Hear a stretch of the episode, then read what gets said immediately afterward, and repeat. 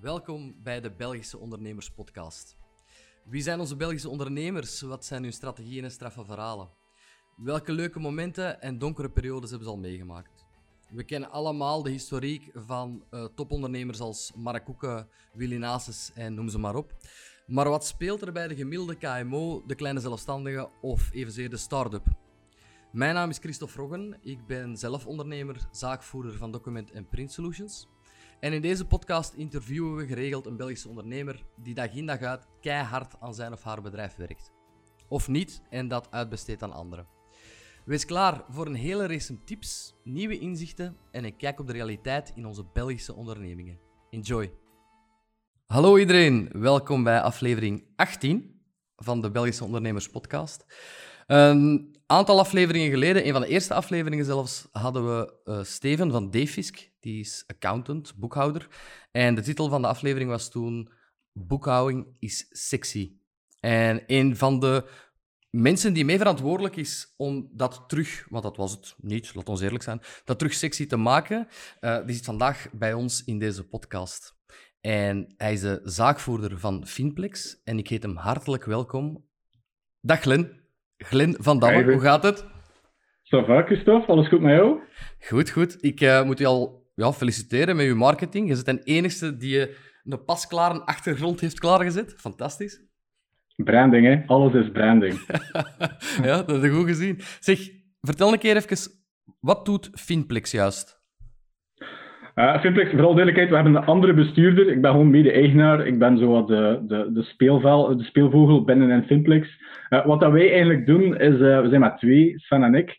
wat wij eigenlijk doen, is... Um, een paar jaar geleden merkten we dat veel accountants zo wat miserie hadden met het zoeken naar de juiste software tools en naar de juiste nieuwe manier van werken om de nieuwe digitale eeuw binnen te gaan. -huh. Um, en ik kreeg veel vragen, omdat ik dan bij een ander bedrijf zat die eigenlijk een softwareoplossing deed. Mm -hmm. En wat dat we daar uh, hoorden was eigenlijk van, ja, ik wil ik wel voor uw softwareoplossing gaan, maar is dat de beste van de markt? Want er is eigenlijk niemand die mij uh, bijstaat. En vier jaar geleden hebben wij gewoon gezegd van, laten we dat gewoon doen. Hè. Laten we een onafhankelijke adviseur zijn die accountants bijstaat in de keuze van hun software uh, keuzes dat ze maken. Ja? En laten we, uh, gewoon een onafhankelijke adviseur zijn en laten we dat proberen. En we zien wel waar dat we uitkomen. Okay. En kijk, we zijn uh, vier jaar verder. Okay. En uh, ik sta hier met jou in een gesprek met een virtuele evenement achter me met ons logo opgebrand. Ja, ça. Ja, er is een groot filosoof die ooit zong I'm bringing sexy back. Dat staat toch op uw naamkaartjes en in uw mailhandtekening. En zo niet, waarom niet? Want dat is toch wat je doet.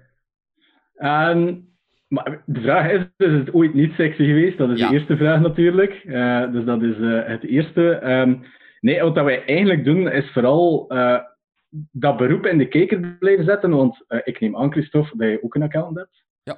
Um, en elke ondernemer, die, of bijna elke ondernemer in België, die heeft een accountant. Dus die zijn heel hard nodig. Hetgeen dat ik soms wat jammer vind, is dat uh, die zo altijd als de grijze mus worden uh, beschouwd. -huh. En wat we eigenlijk merken is, als je kijkt naar die sector, is dat eigenlijk wel een sector uh, die weliswaar in twee versnellingen gaat. Dus één sector die blijft slapen, of één groep van de accountants die blijft slapen, dus die niet met digitalisering bezig is. Okay. En dan heb je een andere groep, helaas de kleinste groep wel, maar die zijn keihard bezig met digitalisering. Ze zijn eigenlijk echt al een voorbeeld voor heel veel andere sectoren.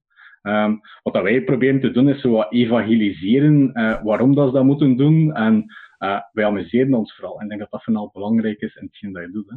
Ja, absoluut. De vraag is altijd onafhankelijk. Wanneer ga je product A voorstellen, wanneer product B? En in welke mate kan je onafhankelijk blijven? Mag ik vragen, je hoeft daar niet op te antwoorden, maar wat is, ik ga nu drie vragen tegelijk stellen. Wat is je verdienmodel daarachter? Ja, dat is, dat is, meestal de vraag die heel veel accounts stellen, die vraag als eerste. dus, uh, dus, dus misschien een goede account die jou verloren gaan, wie weet dat. Nee, nee. Uh, Oké, okay. uh, ook niet in mij voor alle duidelijkheid, dus ik, volg, ik volg je redenering. Um, ons verdienmodel is eigenlijk, de account betaalt ons dus eigenlijk, in een vieze woord, wij doen consulting. -huh. Daar komt het eigenlijk op neer, dus die betalen ons. voor op je tweede vraag te proberen te antwoorden, kunnen wij onafhankelijk blijven?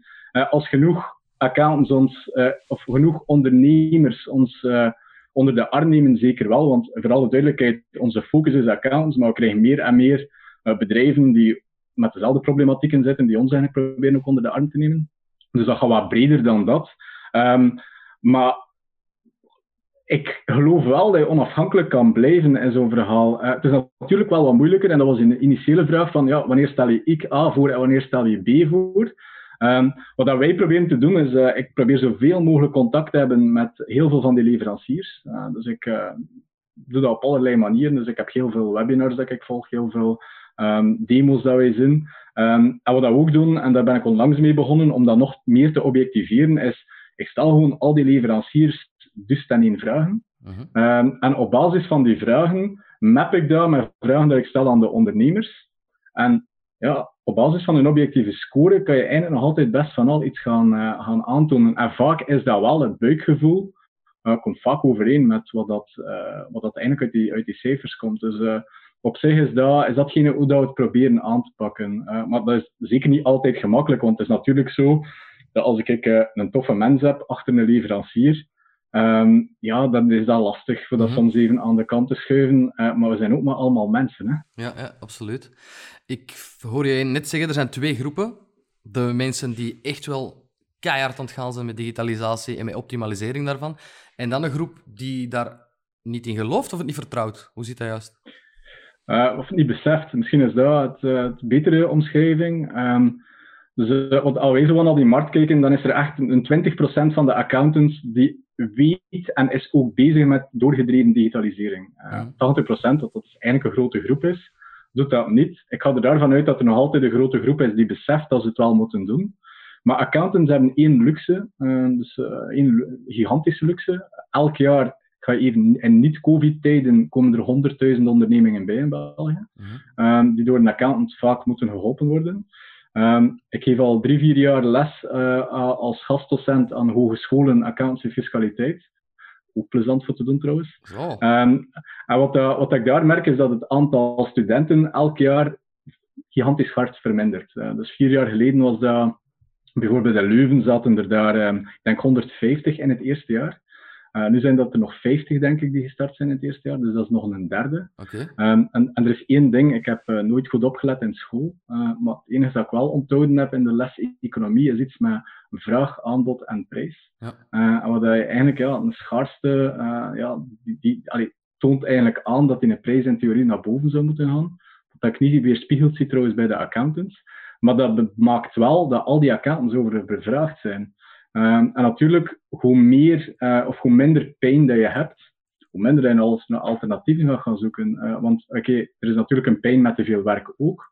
Uh, maar als je niet het gevoel hebt van waarom zou ik me aanpassen, ik blijf geen klanten hebben die op mijn deur kloppen, waarom zou ik dan in godsnaam naar die digitalisering kijken? Um, en dat snap ik, maar het is wel zo um, dat er een golf aankomt van een serieuze golf, denk ik, ben hier in een jaar of vijf.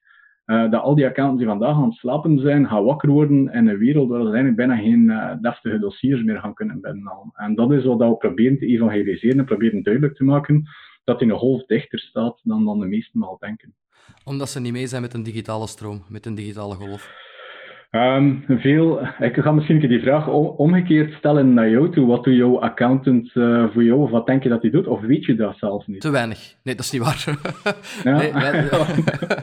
Nee, die is ook vrij gedigitaliseerd. Ik hoef ook niet meer met de wasmand vol uh, facturen naar de, naar de accountant zelf te rijden. Dus ik mag alles gewoon per e-mail aanleveren en dat wordt daar verwerkt uh, via een platform. Um, Clearfact in dit geval. Dus ja, die is, die is mee. Um, mijn vorige accountant die was niet mee. Daar moest ik echt een doos naartoe brengen en dan even gaan uitsorteren wat dat wat was. Ja, dat klopt. Maar, maar die account doet heel veel, maar veel dingen zie je niet. Dus zo vier keer op de jaar een brief passeren. In het beste geval dat je BTW moet betalen, waar je niet zo gelukkig van wordt. -hmm. En dan een paar gesprekken waarbij je rond cijfers gaat gaan praten. Maar eigenlijk doet die account heel veel in de achtergrond. Alleen, dat besef je niet als ondernemer. Dat is het eerste meestal. Dat doet er ook niet toe, want uiteindelijk wil je als ondernemer gewoon hebben dat je een account je helpt, dat het in orde is en dat je achteraf geen miserie ermee hebt. En in het beste geval dat hij je nog wat kan adviseren ook.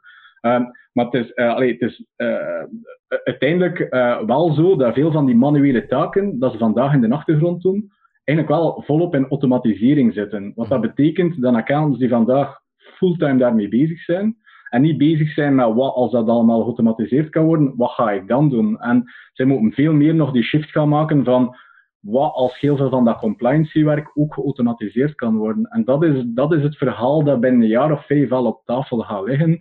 Al die accountants die gaan bezig zijn met enkel dat manuele inputwerk, ja, dat gaat waarschijnlijk wel voor een groot stuk verdwenen zijn. Ja.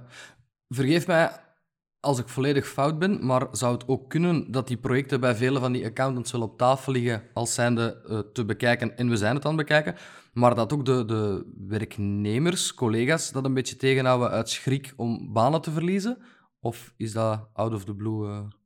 Nee, ik, eh, ik, dat, het is trouwens, ik heb zo een reden van tien excuses waarom dan accountants niet willen digitaliseren. Ah, en dat, is er, dat is er één van. Uh, medewerkers, niemand verandert graag. Um, dus, me, dus dat, dat, zal zeker wel een rol spelen, maar meestal de accountant die dat gebruikt als excuus, vraag ik dat meestal, en heb je dat al een keer met je medewerkers besproken, wat dat je wil doen, en betrekken die mee in die beslissingen van wat dat je wel van, van softwarekeuzes en dergelijke daar gaan maken. Um, meestal is het antwoord daarop nee, en dat geldt voor alle ondernemingen ook wel. Um, ik geloof heel hard in uh, bedrijven die hun medewerkers op alle lagen mee gaan betrekken in beslissingen dat ze nemen. Want het is enkel als team, denk ik, dat je dat soort zaken kan doorspartelen. Uh, maar dat dat niet gemakkelijk is, dat is, dat is wel waar. Um, maar dat, dat is een te gemakkelijk excuus om te gebruiken. Vind ik. Ja, oké. Je zit niet enkel bij accountants, er zijn ook ondernemers die op dit moment aan het aanspreken zijn om diezelfde oefening te maken op uh, hun accountingafdeling en, en zelfs voor de volledige stroom van documenten. Hoe komen die bij u terecht? Is dat puur mond aan mond? Of ga je zelf ook nog prospectie doen? Um, ik ga misschien pre-COVID spreken. Uh, in, in, in COVID-periodes is dat, is dat net wel wat anders. Um, maar veel prospectie doe ik eigenlijk de laatste jaar niet meer. Uh, ik, ik zet heel hard in, en dat ga je al gemerkt hebben, op, uh, op sociale media.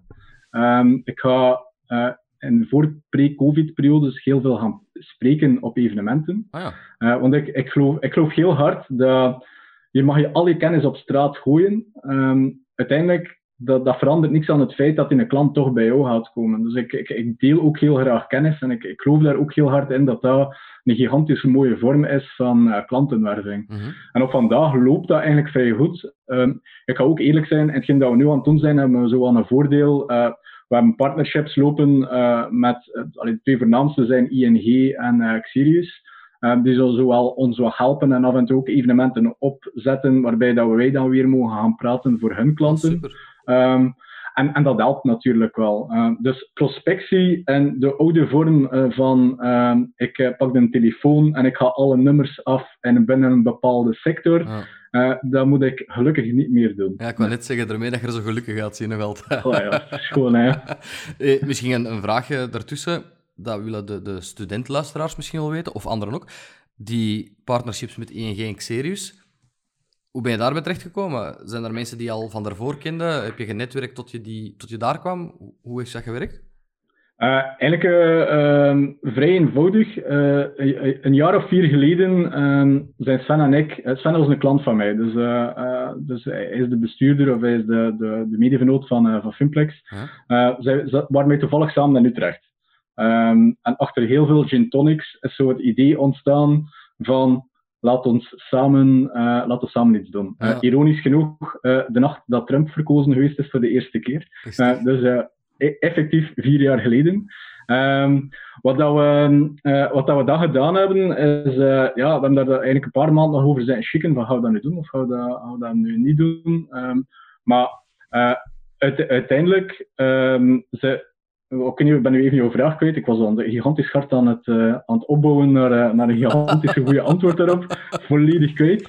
Uh, nee, nee, wel, maar wat we dan gedaan hebben, is we hebben ons ingeschreven eigenlijk in een traject. Startup Survival noemde dat traject. Um, en wat was dat? Dat was eigenlijk, we wisten dat we iets gingen doen. We wisten ongeveer wat dat we gingen doen, maar dat was eigenlijk zo een, een traject die zo wat masterclasses gaf en hoe dat je een start-up kan opzetten, hoe dat je je klanten moet gaan in kaart brengen.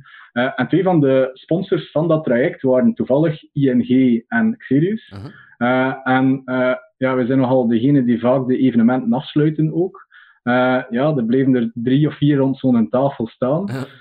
en dat was, dat waren er, dat was ING en Xerius die daar bleven staan. En eigenlijk ehm, is allemaal vrij organisch gegroeid. Dus ook niet van, we hebben een telefoon opgepakt. Dus vandaar ook trouwens mijn achtergrond. Ik mis de evenementen, ja. omdat ik er gigantisch hard in geloof dat dat de plaats is om duurzame, duurzame contacten op te zetten.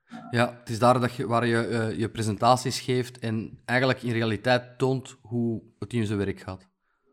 Ja, wat, maar wat we eigenlijk gedaan hebben is, uh, want dat is dit evenement dat hier zit, dat was in de Gilamco, dat is nu al het tweede jaar dat we dat gedaan hebben. Uh, ik kan nu al zeggen dat we het grootste evenement van het jaar in de accountancy sector gehad hebben.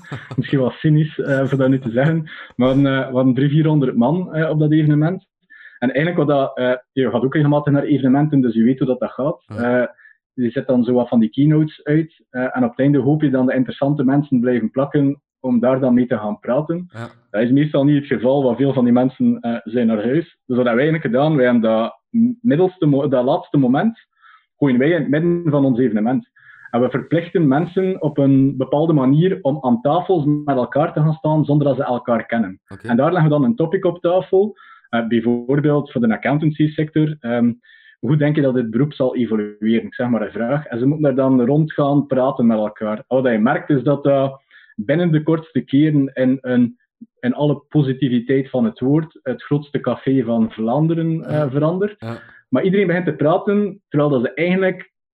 Je hebt netwerkers en je hebt niet-netwerkers.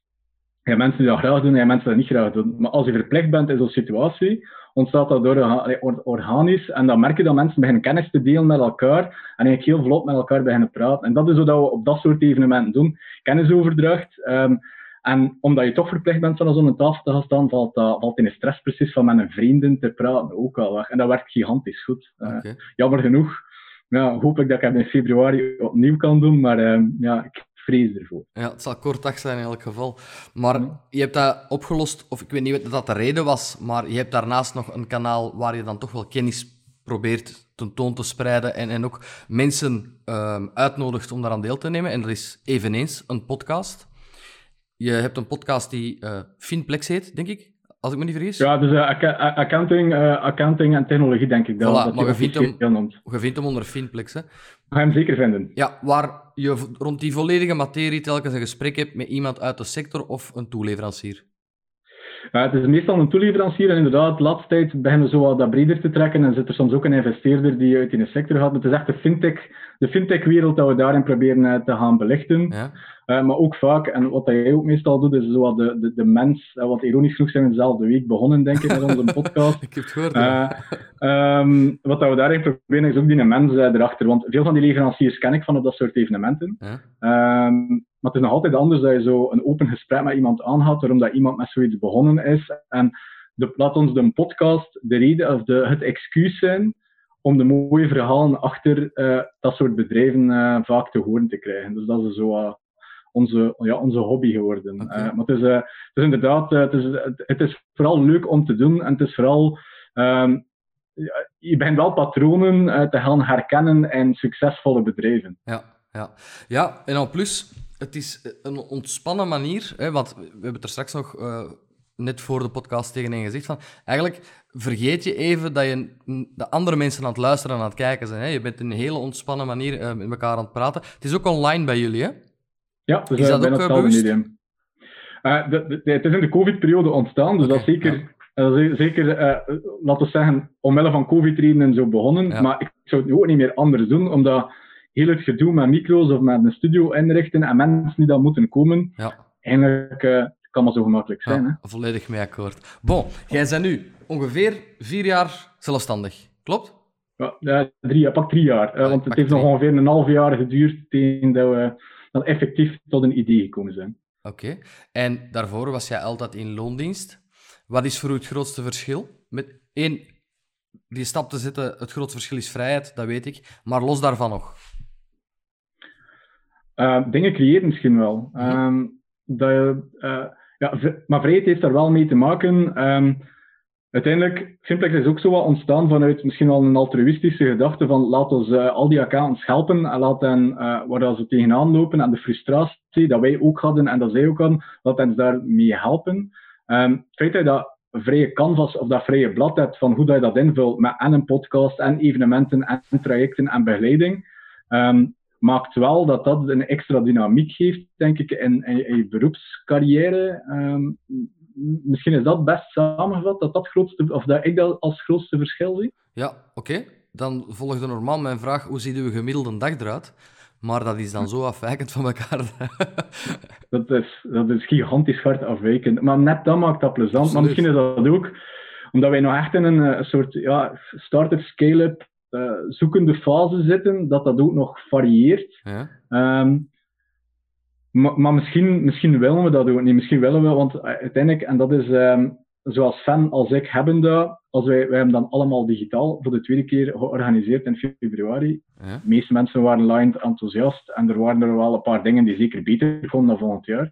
Maar dan gaan wij s'avonds gaan eten. We doen dan al twee jaar op een rij dat we nadien nog iets gaan gaan eten. Wat is dan de conclusie dat we aan tafel zetten? Dat heeft dit jaar weer gewerkt. Volgend jaar gaan we weer proberen dat concept volledig op zijn kop te zetten. En doen we iets totaal anders. Want weekend hetzelfde doen is niet plezant. Hè? um, dus uh, dat is dan misschien iets dat we nog gaan moeten werken. Um, dat we dan wel blijven kopiëren, iets dat werkt. Zo maar je bent wel dag in dag uit met Finplex bezig. Uh, ik ben uh, dag in dag uit met Finplex bezig en dan heb ik nog één grote hobby. Uh, en dat is houten speelgoed. Dat is zo'n project dat ik samen met mijn vrouw gestart ben. houtenspeelgoed.be. Kwestie van ook branding. Hè. Branding is alles. Ik zet het er zeker bij onder de, de notes. Maar de, de, de, uh, ja, de website zelf is goutenvriendjes.be. Um, maar um, ja, dat is iets dat, dat, dat, dat spontaan gegroeid is. En dat is zo een hobbyproject van ons twee. Uh, wat wel plezant is, om samen met je vrouw zoiets te doen. Vertel. Wat, wat houdt? Um, wat houdt? Mooi. Sorry, sorry, daar moet ik even van genieten. sorry. dat is zo hard voorbereid. nee, absoluut niet. nee, absoluut niet. Ik ben het gesprek aan het eh, versplinteren. Enfin, ga door, ga door. Oh, schoon, schoon. Er is hard over nagedacht. Uh, ja. ja. Ik zou er bijna nog een kop van krijgen. Ah, kijk, dat is hij ook al. Oké, ik ben net al mijn volgers verloren. Ga gerust door over wat, wat is houten vriendjes. uh, nee, wij hadden... Um, wij hebben een dochter die een, die een immuunziekte heeft. dus we hebben de eerste drie jaar uh, van, uh, dus ondertussen vier jaar, hebben wij echt al gestruggeld. Hadden wij slapeloze nachten en dan uh, veel, veel miserie. Ze, ze heeft, dat is zo'n ziekte die blijft, dan een PID. Dus trouwens voor iedereen die luistert en op zoek is naar een goed doel om te sponsoren, PID. Bubble ID in België. Zeker een interessant goed doel om te sponsoren. Um, maar um, na die periode hadden wij zo echt nodig aan uh, weer iets positiefs en zo'n zo opkikker om, uh, om te gaan doen. En uh, zij had een passie voor houten speelgoed, want de meeste speelgoed die hier trouwens staat, want ik sta zo vlak aan de kinderkamer, een ideale plaats om je bureau te hebben trouwens, zat er heel veel houten speelgoed. Um, en wat ik eigenlijk merkte was dat er in de Belgische markt is er niks van houten speelgoed. En laat mijn hobby dan net websites bouwen zijn en zo wat kloteren met van alles en nog wat van technologie. dat ik zo plotseling zei van ik ben nu toch zelfstandig. Um, dus waarom doe je er niet nog iets naast? Hè? En, en, en, en doe wat jij je, je passie in hebt, dat gewoon speelgoed. En beginnen we dat niet gewoon op de markt te zetten. En kijk, we zijn nu een jaar en een half verder, uh, zoiets zeker. Ik denk dat het ondertussen een jaar en een half bestaat. Um, en uh, we zitten met 2000 volgers op Facebook en elke dag hebben wij bestellingen. Dus op zich is dat uh, best wel een, uh, een leuke hobby aan het worden. Maar het zal ook niet meer zijn dan, uh, dan een hobby, denk ik. omdat dat vooral iets plezants moet zijn. Als dat een taak begint te worden, dan hebben we daarin gemist dan. Dat is de bedoeling dat dat, dat moest ons positieve energie geven en dat heeft dat dan zeker wel gedaan. Oké, dat is heel fijn. Maar ook daar ben je 1, 2, 3 uur per dag mee bezig dan toch? Uh, ben, zoveel zal het niet zijn. Dat is het voordeel. Uh, Ik adviseer bedrijven in technologie. Uh, dus ik ben heel dagen in plaats van een game dat sommigen kopen voor op hun PlayStation, koop ik software uh, als hobby. okay. uh, dus ik ben heel de tijd aan, aan het klooien zo met van allerlei software. En eigenlijk wat ik altijd zoek is, ik ben van nature lui. Um, dus wat ja. ik doe is, ik zoek allerlei manieren om mijn leven zo eenvoudig mogelijk te maken. En dan is uh, houten vriendjes zo aan mijn, mijn speeltuin, waarbij dat ik al die technologie kan testen en kan uh, optimaliseren. Dus ik probeer zoveel mogelijk te automatiseren, zodat er zo weinig mogelijk uh, um, vervelend werk moet insteken. Dat, al de rest, dat is dan het creatieve. En daar ben ik dan wel meer mee bezig, zo van die reclamecampagnetjes maken, zo leuke foto's met, met Photoshop en al. Ja. Omdat ik daar dan wel mijn data en mijn hobby in vind. Oké. Wat is het zotste dat je al tegenkomen van software en geïmplementeerd hebt? Zotste? Um, of hetgeen dat, u het, het, meest geholpen heeft bij lui zijn? Uh, mijn prospectietools, um, denk ik. Uh, dat, dat ga jij nu geïnteresseerd ja, in zijn. Vertel, we zijn alleen. Uh, niemand luistert. Nee, nee wat, wat, wat, ik eigenlijk, de, de, zoals ik net zei, oké, okay, die netwerken en dergelijke is één ding. Maar er zijn redelijk wat zaken dat ik opgezet heb, op LinkedIn bijvoorbeeld. Ehm, ik ga regelmatig profielen gaan bezoeken en ik heb deze week weer heel veel berichtjes gestuurd naar mijn connectie dat we een nieuwsbrief hebben voor op in te schrijven. Ik doe dat niet zelf. Hè. Dat is gewoon een bot dat ik aansteek en uh, die bot die loopt al die profielen af en die mensen zien dat ik op dat profiel gezeten heb. Dus in, ik wil u helpen met digitalisering. Mijn telefoonnummer staat daaronder. Eén klik weg en heel veel mensen bellen mij op basis daarvan.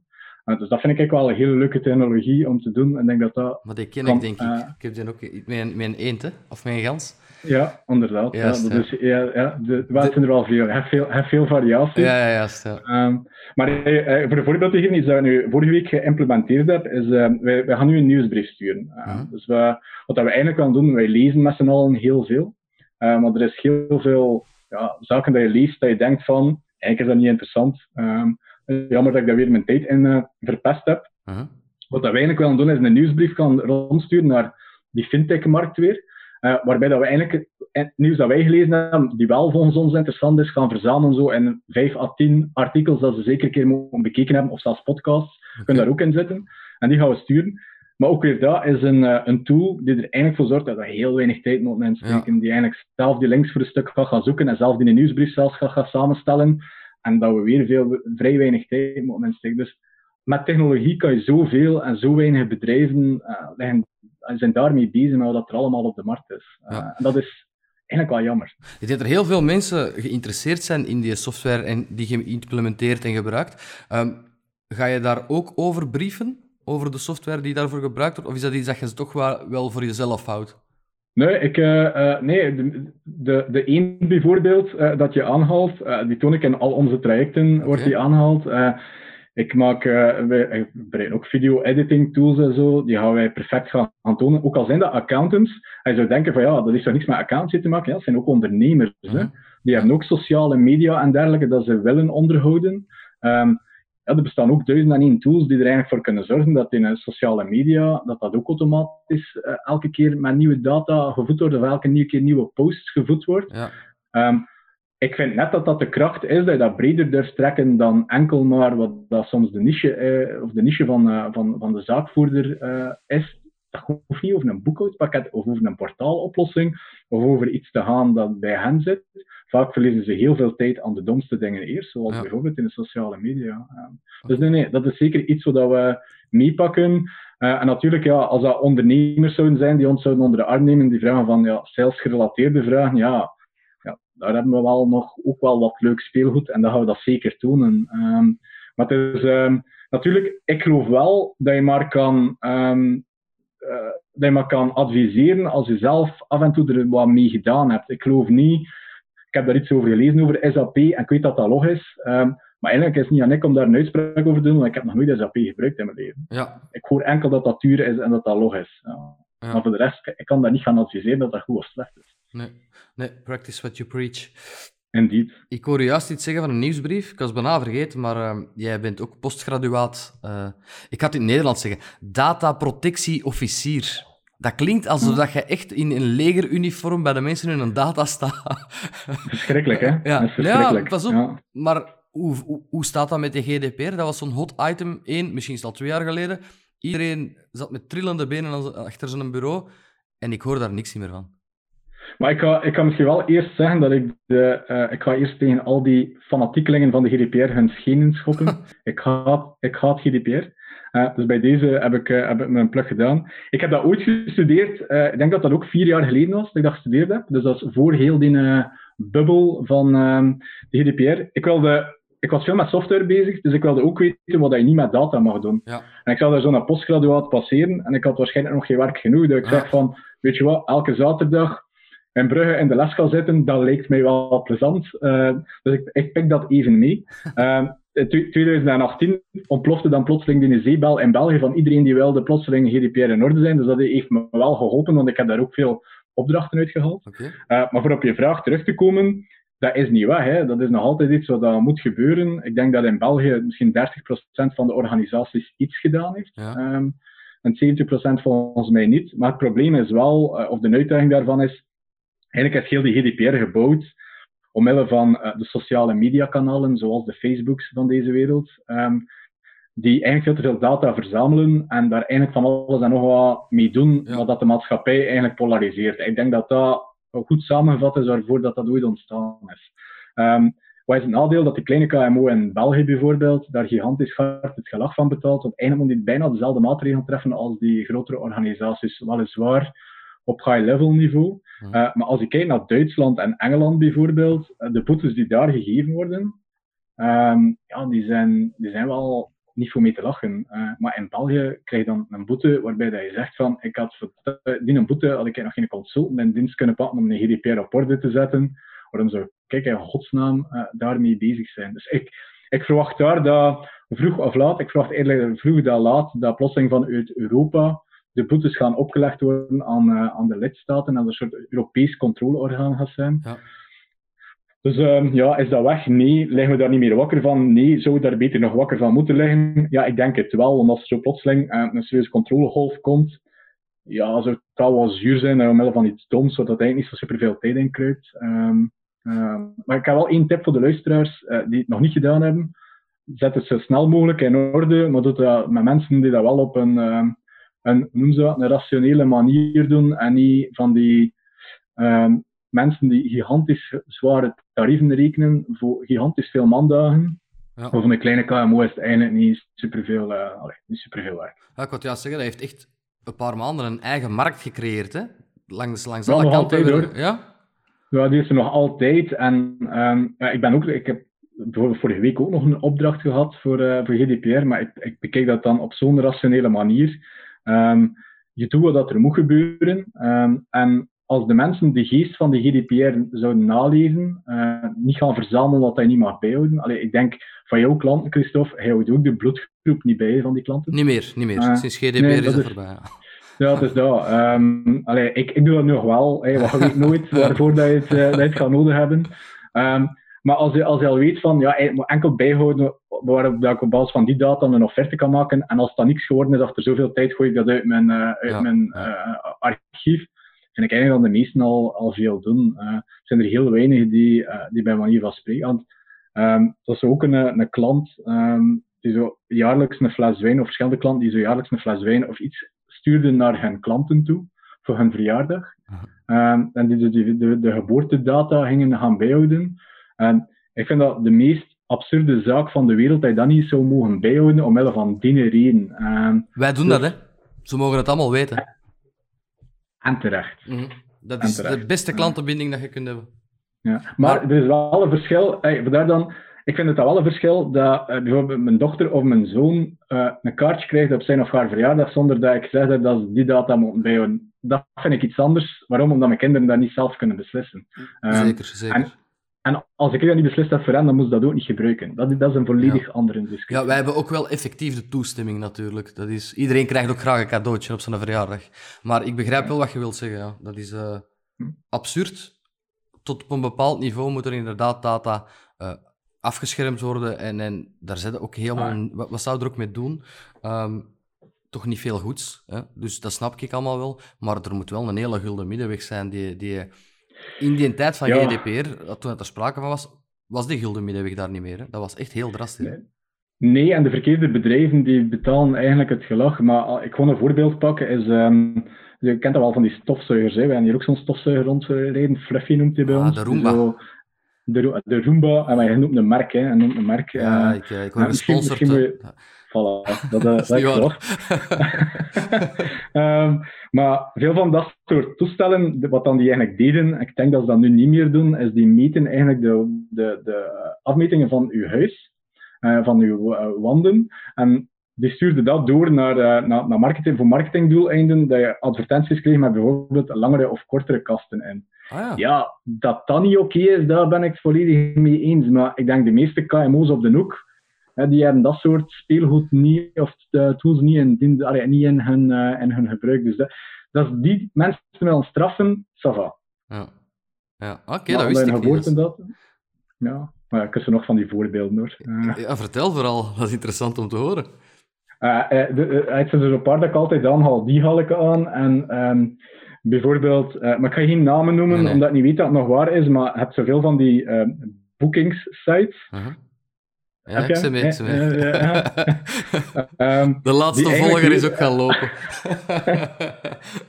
Eh, die eigenlijk, wanneer je in een rijdende wagen zit, ehm, dat bijvoorbeeld de tarieven anders zijn op een bepaald type device eh, dan dat je bijvoorbeeld stil zou staan en op je PC die prijzen gaat gaan zoeken. Eh, waarom? De kans dat je in een rijdende auto zit en je zoekt voor die avond een kamer met twee kinderbedden, ja, dan weet dat algoritme ook. Zitten er waarschijnlijk twee te schreeuwen op de achterbank, die blauw van de honger zijn. Die vader en die moeder zijn dat kotsbeu. Dus wat dat we ook vragen, die mensen gaan dat toch betalen. En dan is het ironische nog, en ik heb dat niet uitgevonden, ik heb dat ge- eh, gelezen in een, in een statistiek, dat bij vrouwen beter werkt, eh, er is nog één kamer beschikbaar. Eh, en die dan meteen op die klikbutton drukken om te gaan eh, boeken. Maar dus die weten dat je een vrouw bent, die weten dus dat je in een rijdende wagen zit. En al dat soort datapunten, zijn eigenlijk schandalig dat dat bijgehouden wordt. Dus eigenlijk heel die GDPR is voor dat soort cases Ja. volgens in mijn optiek opgesteld, maar is niet opgesteld eh omwille van iemand die zo gewoon een business doet as usual. En, en, en dat is zo wat het jammer dat dat door veel van die goeroes eh, bij de mensen scheet die gelaten wordt. Want het is nu ook zo, het Office 365 is niet veilig, eh, want dat staat ook met de data daar. Aha. Couldn't care less, persoonlijk. Ja. goed, ik ben dan een hele slechte preacher wat dat GDPR betreft, dat weet ik ondertussen nog. Ja, dat is wel interessant wat je daar vertelt. Ehm Glenn, andere boeg. Leef jij nog gezond? Sport jij nog? Wat doe jij om te ontspannen? Eh, veel, veel te ongezond, dat Mhm. geef ik grif toe. Eh, dat staat op mijn agenda voor eh, te gaan sporten. Ik heb dat er drie maanden geleden opgezet. Ah, ja. Dat staat er nog altijd ergens op. Maar ik probeer elke, maand, elke drie maanden stuur ik een reminder dat dat moet gebeuren. Ehm, wat ik wel probeer is, in het weekend probeer ik niet meer op de pc te zitten en probeer ik dingen nu te doen. Maar natuurlijk, ja, covid, ook weer dat, helpt weer totaal niet. Want ik heb nu zelfs de wandeling naar mijn wagen niet meer om op afspraak te gaan. Dus het is, eh, dus het is wel zoeken. Maar gezond, ik leef zeker niet ongezond, maar eh, het kan zeker wel een pak gezonder. Ja. En wat doe jij om te ontspannen? Niet sporten dan, maar lees jij boeken? eh? Ik, ik heb daar discussies over soms met, met mijn vader, die zo ook altijd moet dingen doen voor te ontspannen en dergelijke. En niet altijd op die computer zitten en dat soort zaken. Maar persoonlijk vind ik mijn job vind ik dat leuk voor te doen. Dus dat, dat is al het eerste. Ehm, dus ik, ik, ik ze zeggen dat altijd, hè, dat je dat maar achteraf door had, dat je een reden moet zoeken voor te ontspannen. Maar bijvoorbeeld, als ik met van die creatieve dingen bezig ben, voor zo een speelgoed met een leuke achtergrond en wat, wat reclame dingetjes te maken, ik kan me daar eigenlijk wel in uitleven. Eh, en ja, voor de rest, eh, ik ben een gigantische supporter van KVO Stende. Eh, Ja, maar ja ik- nee, iedereen ik- maakt fouten, dat is geen probleem. Iedereen mag, mag weten voor welke voetbalploeg dat hij weer bent. Ik, eh, ik heb daar niks mee te maken. Dus ja, je mocht gerust supporter van eh, Oostende zijn, geen probleem. Dat brengt ons naar het feit. Ik had bijna een carrière bij KV Oostende.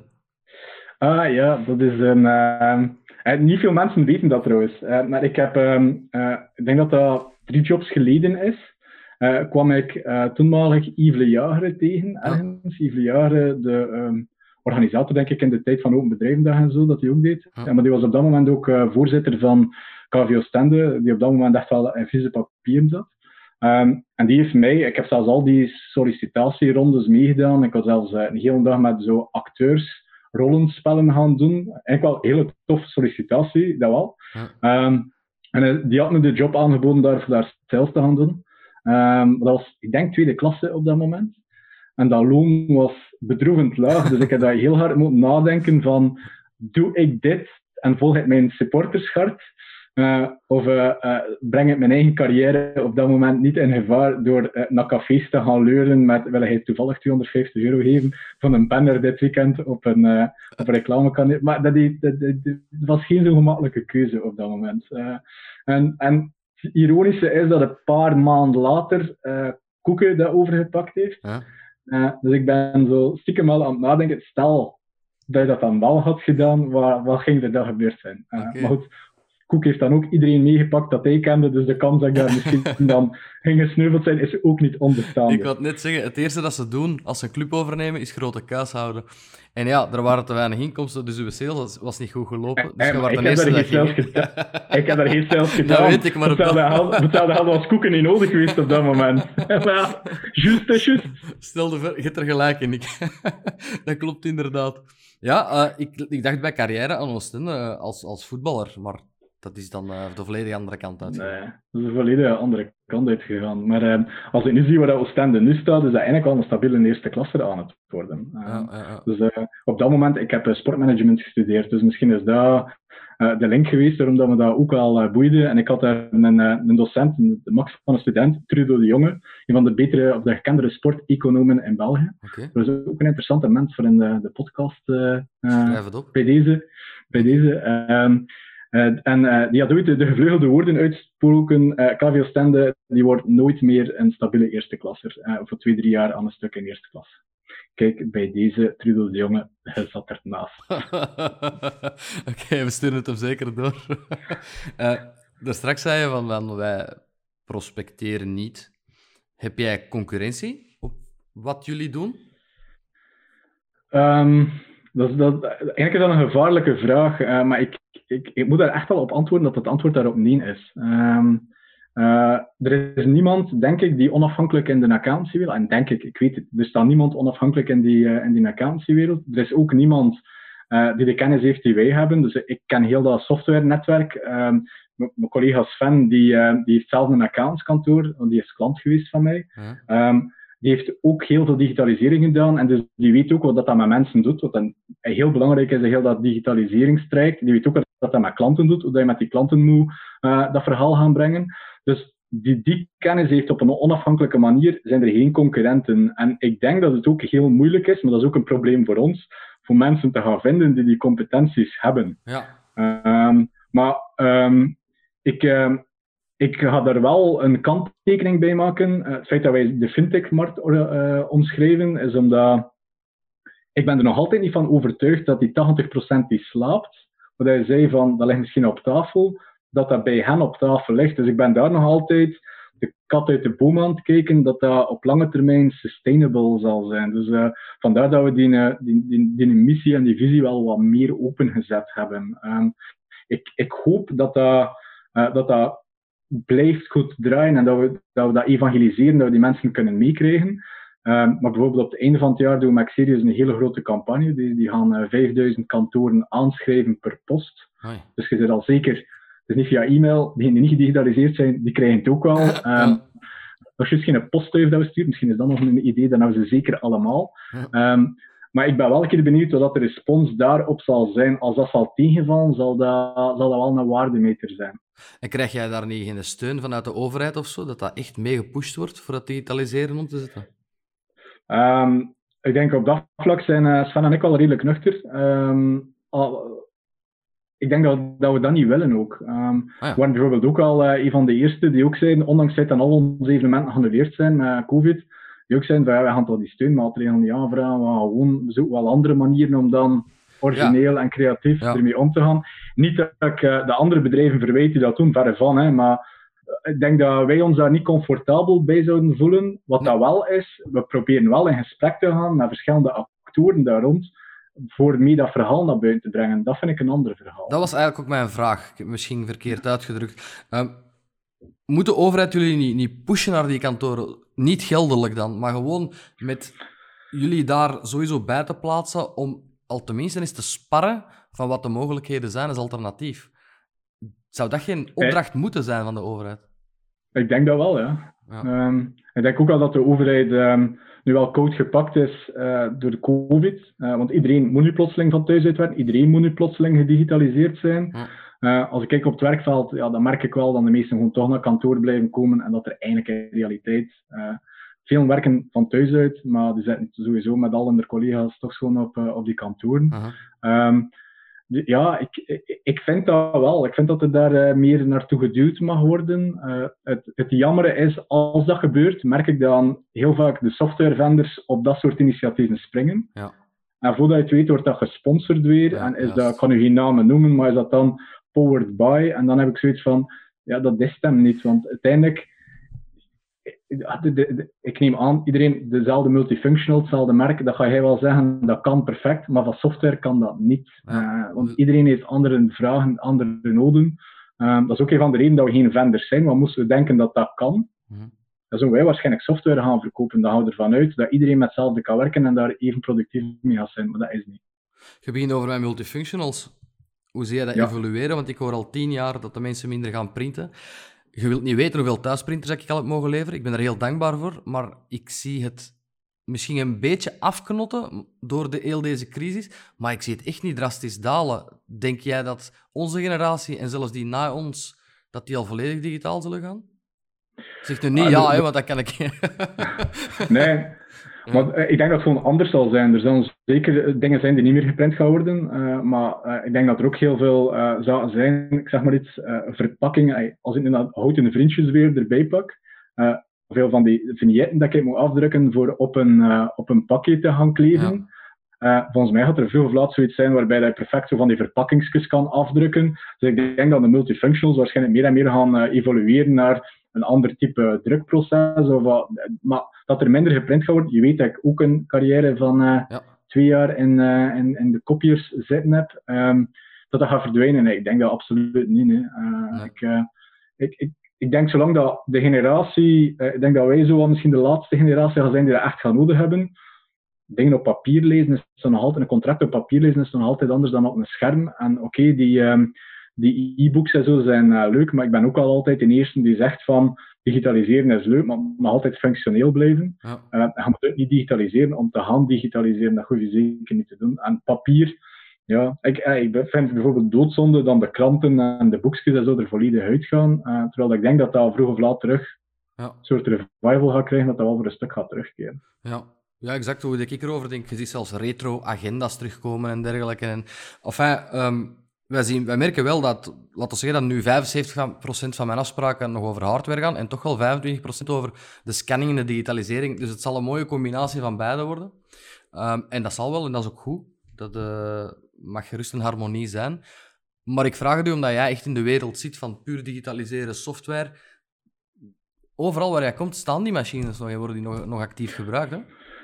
Maar dat is, dat is dezelfde discussie die al zo wat meer in ons vaarwater zit. Dus, uh, ik ben zo'n tiental jaar geleden ben ik begonnen in de. Dat ik zo de eerste accounts begon te bezoeken. En dan werd er gezegd van de digitale factuur, dat gaat alles veranderen. Iedereen gaat met digitale factuur gaan. Ja, Oké, ik uh, in België is het nog altijd 80% denk ik die op papier verstuurd wordt. Ja. En zou daar de overheid morgen kunnen beslissen van de digitale factuur? Ergens hoop ik dat dat, dat gebeurt. Um, maar ik zie dat nu niet, ik zie dat nu niet direct uh, verplichtend gebeuren vanuit een overheid. Als ik, in Turkije is dat wel gebeurd, uh hebben dat wel gedaan. Um, ik begrijp dat zij in Frankrijk ook die richting voor een stuk aan het uitgaan zijn. Um, maar, maar dan nog, dat zal er wel iets anders zijn. Hè? Want als hij zo'n digitale factuur krijgt en je kunt die niet openen op het scherm, en je hebt dan een bestelbon nodig. Die bestelbon moet je ook controleren met een factuur vaak. Papier zal er, um, dat zal gewoon shiften naar iets anders. En ik denk dat er een periode was dat kopiëren heel veel gedaan werd. Tegenwoordig wordt er veel meer geprint dan dat er gekopieerd werd. En nu wordt er misschien meer gescand dan dat er geprint wordt. Ik die, die toestellen, nee, Christophe gaat nog, uh, nog wel, uh, nog wel bedankt, bedankt, want ik moet nog even. Dat brengt ons naar uw ambitie. Um, persoonlijk en met Finplex. Uh, ik noem elke week wel een andere termijn, laat ons zeggen binnen de vijf jaar. Uh, binnen de vijf jaar, uh, ironisch genoeg hebben we, of ja, ironisch genoeg, wij hebben uh, een week of drie geleden, hebben wij ons met een paar mensen rond Finplex opgesloten in zo'n klooster. van na te denken waar, dat we, daar, waar dat onze vlag willen, zetten.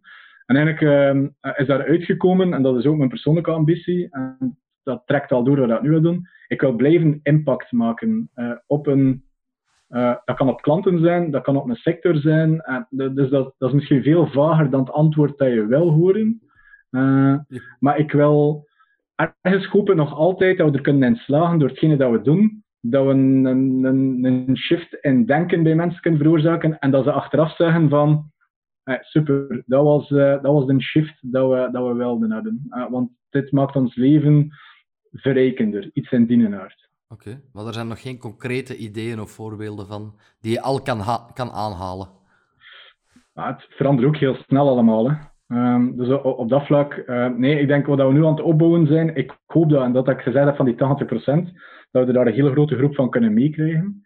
En dat we eigenlijk voor een soort, uh, ja, de, beleving van uh, accountants, wat genoemd accountant sexy, ik vind dat, ik vind dat degenen die goed bezig zijn, horen daar zeker bij. Maar dat we zo heel in de sector wel, wat dat in een account meer is dan, ik betaal daar 12 keer op een jaar een factuur voor, ik krijg dan vier keer op een jaar een BTW dat ik moet betalen, en twee keer op een jaar toont die cijfers waarvan dat ik kop in krijg. Ja. Dat wil ik kunnen helpen dat dat eruit gaat? Is dat, is, is dat te ruim? Of is dat... Nee, nee dat, is, uh, dat is zelfs een hele mooie missie. Je kan er veel content mee zijn. Ja. Oké. Als je nu terug zou starten, die drie jaar verder, drie jaar en een half verder, welke tip zou je aan jezelf geven om iets anders aan te pakken? Of, of, of sneller, harder aan te pakken? Welke tip zou je jezelf geven?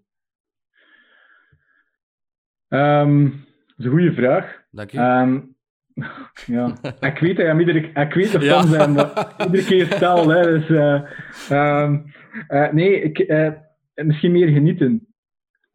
als je zo'n evenement doet, moet je niet altijd bezig zijn met, als, als iedereen elkaar content naar huis gaat, hoef je niet altijd na te denken over wat we volgend jaar. Stilstaan bij de verwezenlijkingen dat je doet. Um, en niet altijd wel, ja, volgend jaar moet beter en moet groter. Um, en dat is iets wat ik eigenlijk nu kan doen, ik hoef er eigenlijk niet voor terug te keren.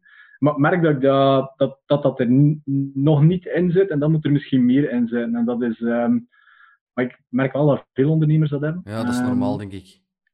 Maar, dat, maar op zich is dat, dat is eigenlijk een jammerlijke eigenschap. Hè. Als, je iets, als gewoon een deal binnenhaalt, of als je, dat je daar eigenlijk ja, what's next, hè? Ja, je wordt er bijna immuun voor. Dat is heel erg, want je kunt je herinneren, die beginjaren, dat je dan je eerste contract of, of noem maar op schreef, of eerste evenement, dat was een adrenaline van heb ik je daar, hè?